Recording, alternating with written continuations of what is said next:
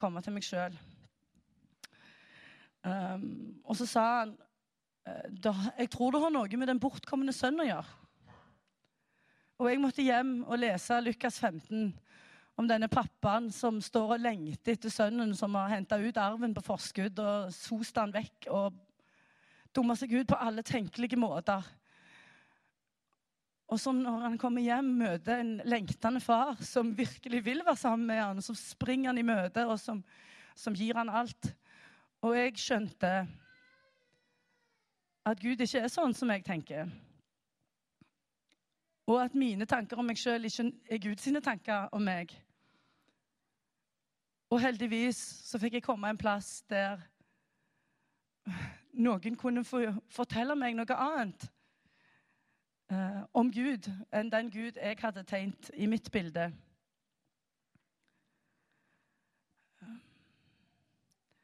Sjølbildet vårt og gudsbildet vårt henger ofte sammen.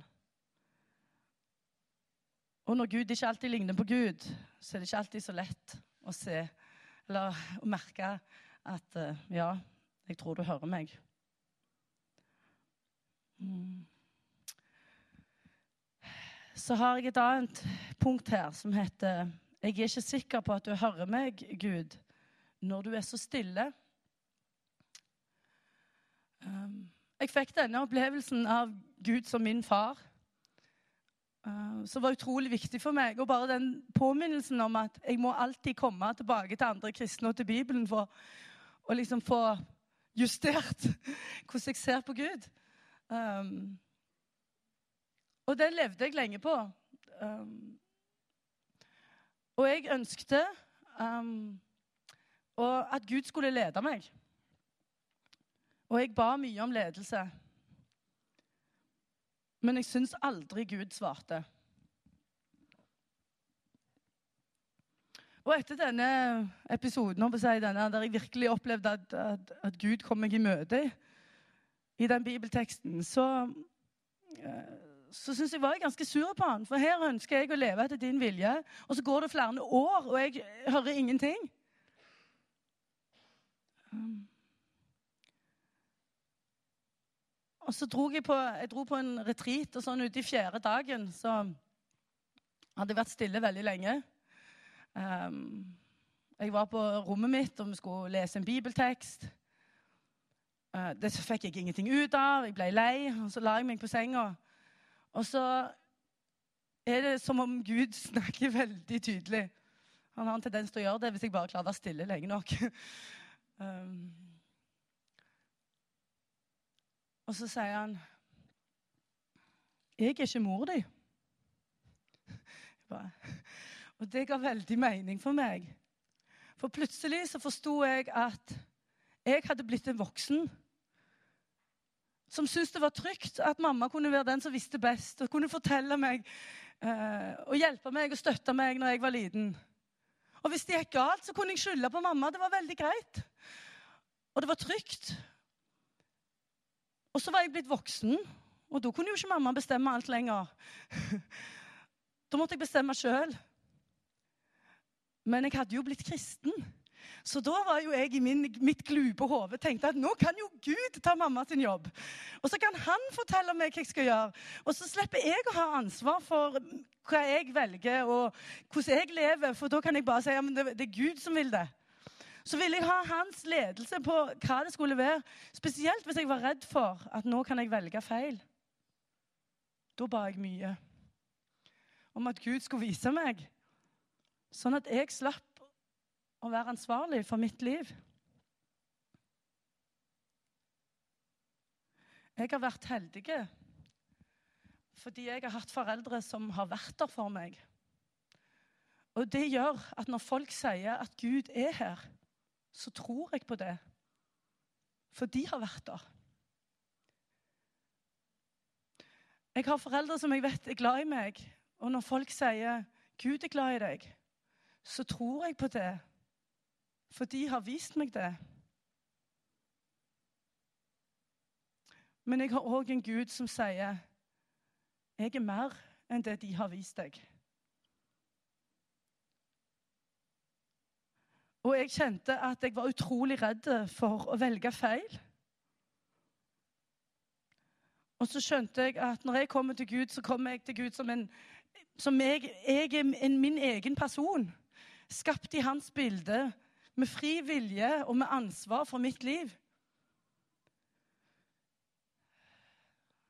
Og det er den personen, det er jeg, som kommer og møter Gud. Person som møter en annen person. Jeg snakket litt med Magnus Malm på en retreat seinere. Og han ga meg et fantastisk godt bilde. Uh, han sa det at uh, at, at, Gud, Hvis en skal se på Gud som en rytter som rir på en hest, så det er noe som heter engelsk stil. Det vil si at rytteren styrer detalje, detaljstyrer hesten. Holder korte tømmer og forteller hesten nøyaktig hvor han skal gå. Men så er det en annen måte å ri hest på.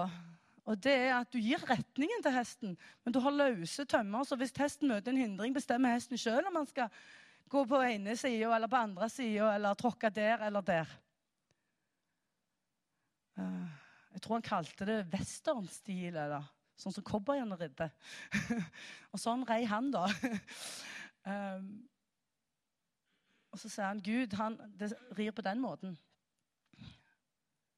Han vil være med å gi deg retning, men Gud er ikke en som detaljstyrer livet ditt, eller som tar fra deg ansvaret for livet ditt. Og jeg trengte ikke være så redd for å gjøre feil. Mm. Så svarte Gud til slutt, da. Men det tok sin tid. Og jeg måtte lære noe på veien. Og jeg måtte være stille voldsomt lenge før jeg skjønte det.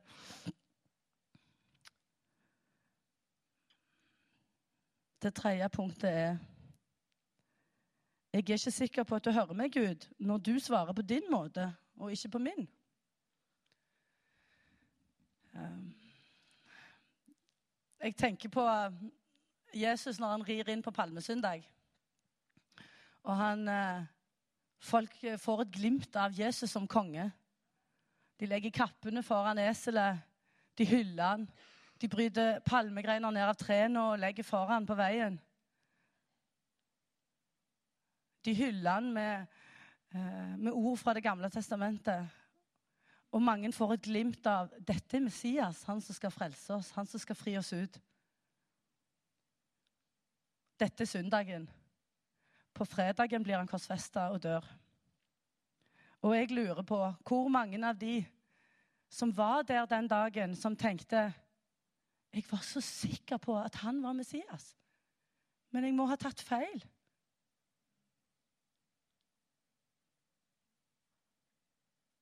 Sånn, ja, dette, dette, dette kan ikke være kongen som skal fri oss ut. Og kanskje var det beste de kunne tenke seg, en som skulle fri dem fra romersk okkupasjon og bli konge i deres nasjon. De skulle være rett folk med en konge, og de skulle være fri på den måten. Og så går Jesus og dør. Men så står han opp igjen. Og han vinner en seier som er så mye større enn å fri et folk fra romersk okkupasjon. Han er konge i et mye større rike og hadde mye større planer. Men de var nok ikke så lette å se med en gang, fordi de var så annerledes. Av og til kan jeg ta meg sjøl i å komme fram for Gud og si 'Sånn eller sånn, Gud'. og så er det ikke sånn eller sånn, men det er noe helt annet som jeg ikke har klart å tenke ut på forhånd. Det er ikke alltid så lett å se hva Gud svarer når han gjør det på sin måte. Og jeg trenger om igjen og om igjen hjelp til å, til å se hva er det nå du har fore, og hva er din måte.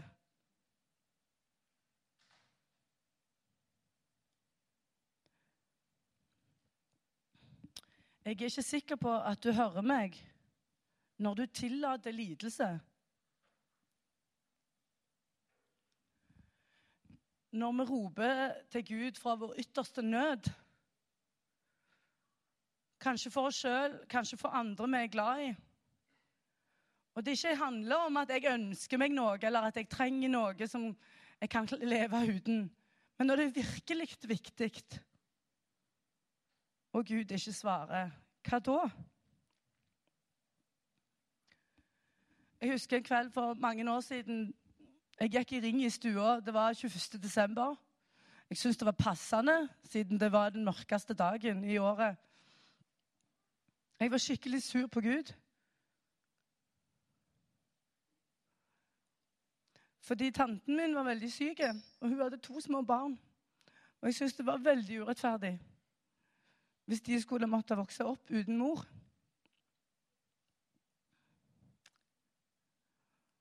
Og så tror jeg at Gud kan helbrede. Og så tror jeg at når han gjør det, så ikke bare gjør han det her og nå, men at han viser oss framover mot en ny himmel og en ny jord der folk ikke er syke. At det peker framover mot noe større. Og så vet jeg òg at mange har den erfaringen at Gud ikke grep inn. Og så vil jeg at min tante skal være en av de der Gud griper inn. Og så er vi mange som ber, og mange som tror at hun skal bli frisk. Og hun tror at hun skal bli frisk. Mm. Men det gjør hun ikke. Og Jeg husker jeg sa det til Gud på forhånd. Jeg sa hvis det skjer, så kommer jeg til å ha vondt for ikke å holde det mot deg, Gud.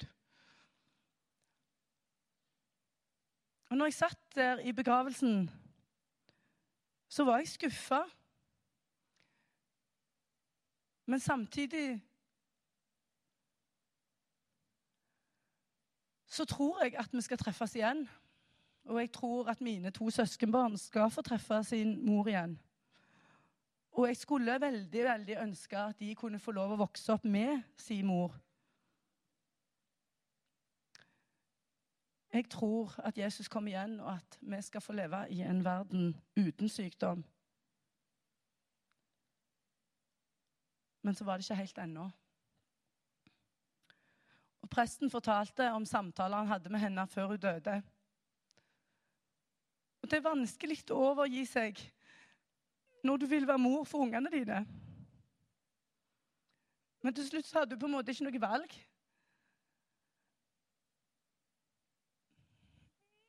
Og hun ja, fikk bare overgi seg fullt og helt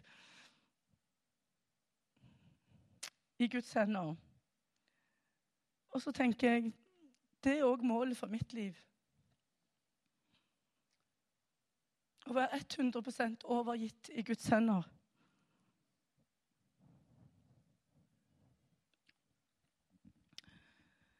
Og disse, Nå har jeg nevnt noen forskjellige ting. Dine erfaringer er sikkert annerledes. Kanskje det er andre ting Gud vil vise deg når han er stille, eller når du føles som han er stille. Kanskje har ditt selvbilde preget ditt gudsbilde på en annen måte enn mitt. Kanskje har dine foreldre vist deg andre ting om Gud Du har sikkert andre forventninger enn meg, og du har møtt annen nød enn meg. Men alle disse tingene kan kanskje føre til at vi tviler noen ganger.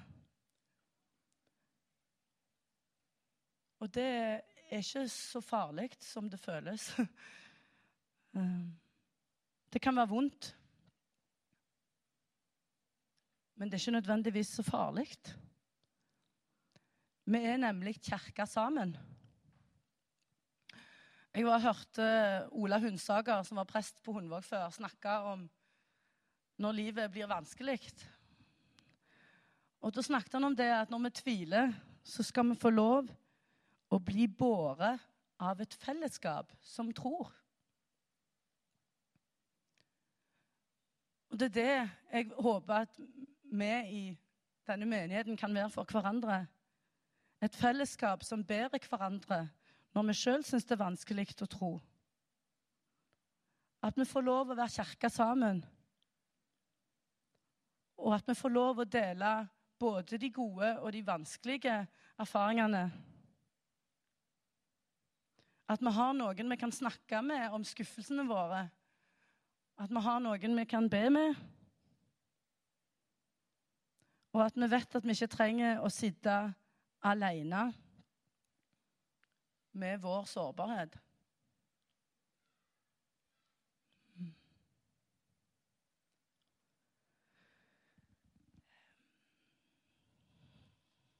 Så er det noen bibelvers som er til trøst for meg.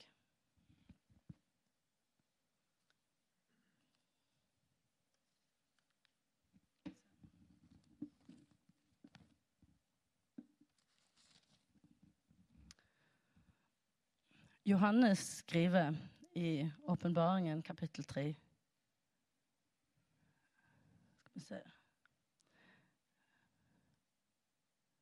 Vers 20. Se, jeg står for døra og banker. Om noen hører min røst og åpner døra, vil jeg gå inn til han og holde måltid, jeg med han og han med meg. Å holde måltid er et nært fellesskap. Og jeg finner trøst i Johannes' sin beskrivelse av Jesus, som vil komme inn og ha måltid, måltidsfellesskap med oss.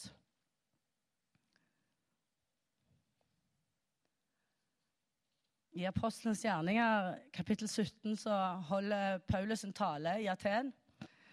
Og der sier han Han, altså Gud, er jo ikke langt borte fra en eneste av oss. For det er i Han vi lever, beveger oss og er til.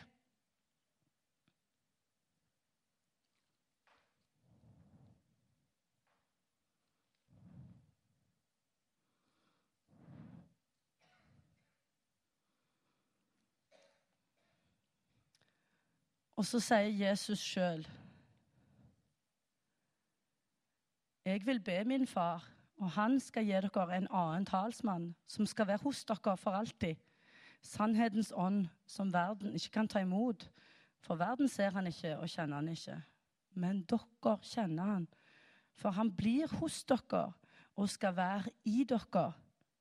Jeg lar dere ikke bli igjen som foreldreløse barn. Jeg kommer til dere.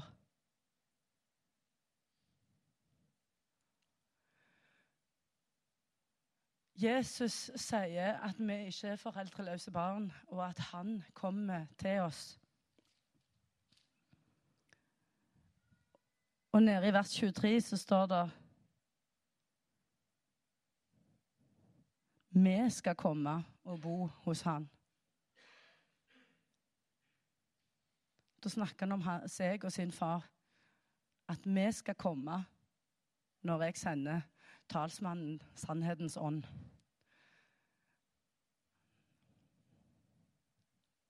Og jeg kjenner at eh, jeg stoler på Jesus når han sier dette. Jeg stoler på at han faktisk er her.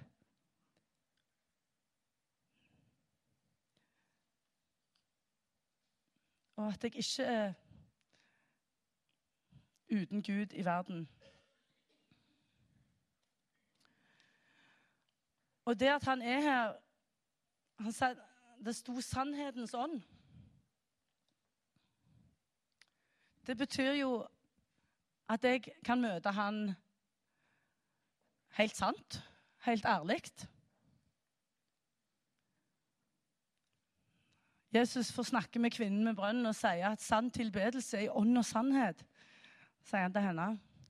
Um, det vil si det fins ikke feil følelser.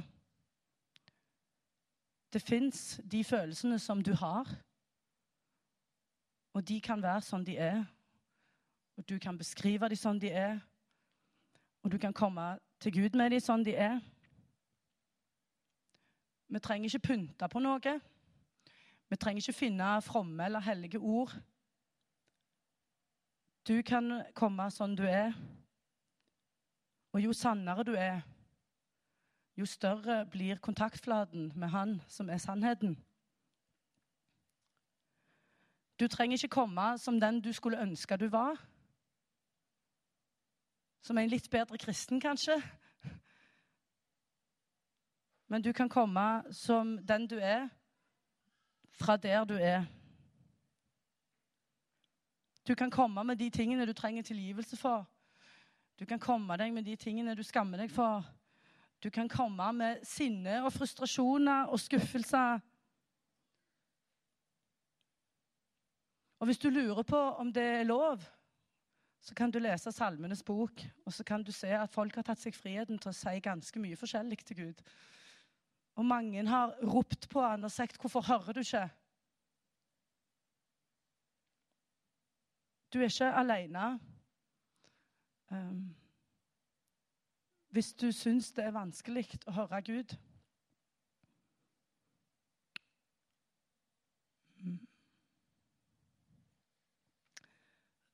Så kommer vi til dette bildet. Oi, det var ikke så lett å se. Men jeg skal hjelpe dere. Ja, nå har jeg bildet foran meg her òg. Det var utrolig praktisk. Jeg skal hjelpe dere eh, å beskrive litt hva dere ser. Dette er et ikon. Og jeg er ikke sånn som i utgangspunktet ser et ikon og tenker wow, det var fantastisk. Eh, men dette bildet her, det vokste på meg. Um, og så leste jeg, jeg leste i et stiftsnytt fra biskop Halvor Nordhaug. Og han han hjalp meg og, og, og, og, så forklarte hva er jeg egentlig ser her. Dette ikonet er malt av Andrej Rublev rundt år 1400. Og det forestiller tre menn, som du kan lese om i første Mosebok, kapittel 18, som besøker Abraham og Sara i Eikelunden i Mamre. Um, der forteller de at Sara skal få en sønn. Det blir klart i fortellingen at en av disse tre er Gud. Men hvem er da de andre to? I kirka så oppsto det en tolkning om hvem disse tre er. At det var den treenige Gud som kom på besøk til Abraham og Sara. Faderen, eller Gud far, Sønnen og Ånden. Personen lengst til venstre er Gud far. Personen i midten er Jesus, og personen til høyre er Ånden. Og du kan se at de lener seg liksom med hodet, vipper liksom fram mot, eh, mot Gud, vår far. De vender seg mot hverandre. Og sammen så er de et fellesskap. Et fellesskap som er uten atskillelse og uten sammenblanding. Og midt på bordet så står det en kalk. Oppi den ligger kalven som Abraham slakta for sine gjester. Eh, og Halvor sier, eh, eh, forklarer at dette er et bilde på Jesus sitt offer. Og så peker han på det med to fingre. Den ene fingeren som sier 'Han er sann Gud'. Den andre som sier 'Jesus er sant menneske'. Og så sier han dette bildet det er som om vi får en sånn innblikk i en slags guddommelig rådslagning der sønnen ber sin far om å få lov å ofre seg for verden. Og faren løfter fingrene på den høyre hånda og, tar imot offeret til sønnen. I sentrum av Gud. Kristi død for verden.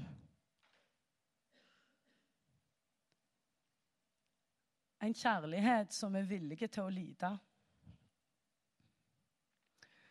Og så er det veldig stilig at disse tre sitter rundt et firkanta bord. For det betyr at den ene sida av bordet er ledige. Den vender seg mot deg.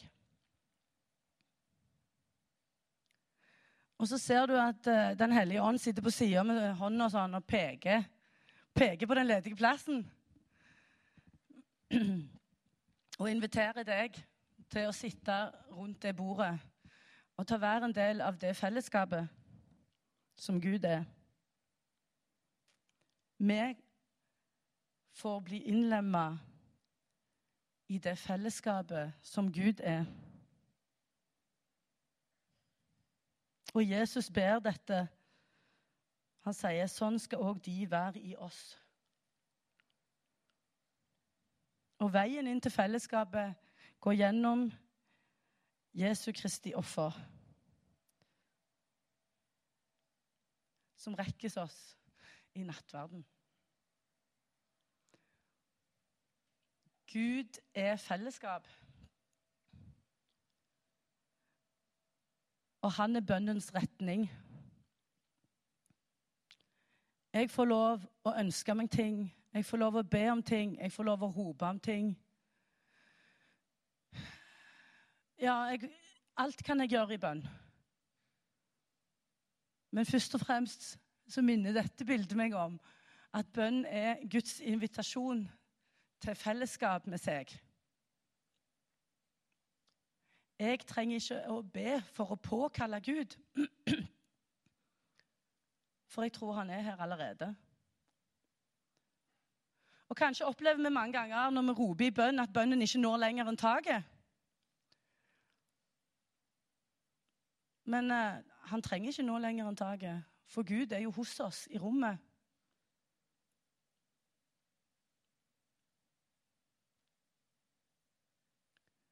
Vi ber ikke for å påkalle Gud. Nei, vi ber fordi Han er der. Og bønnen vår er et svar på det nærværet. Et svar på den invitasjonen som dette bildet viser meg, som jeg er blitt så glad i. Gud inviterer deg til fellesskap med seg.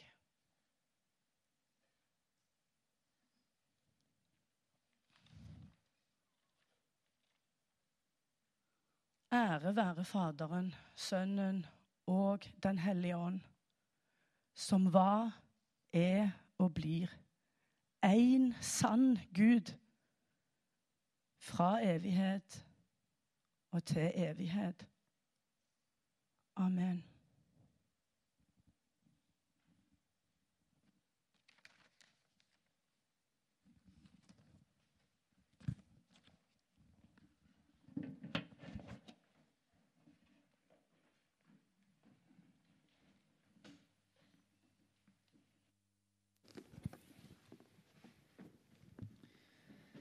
Da synger vi sammen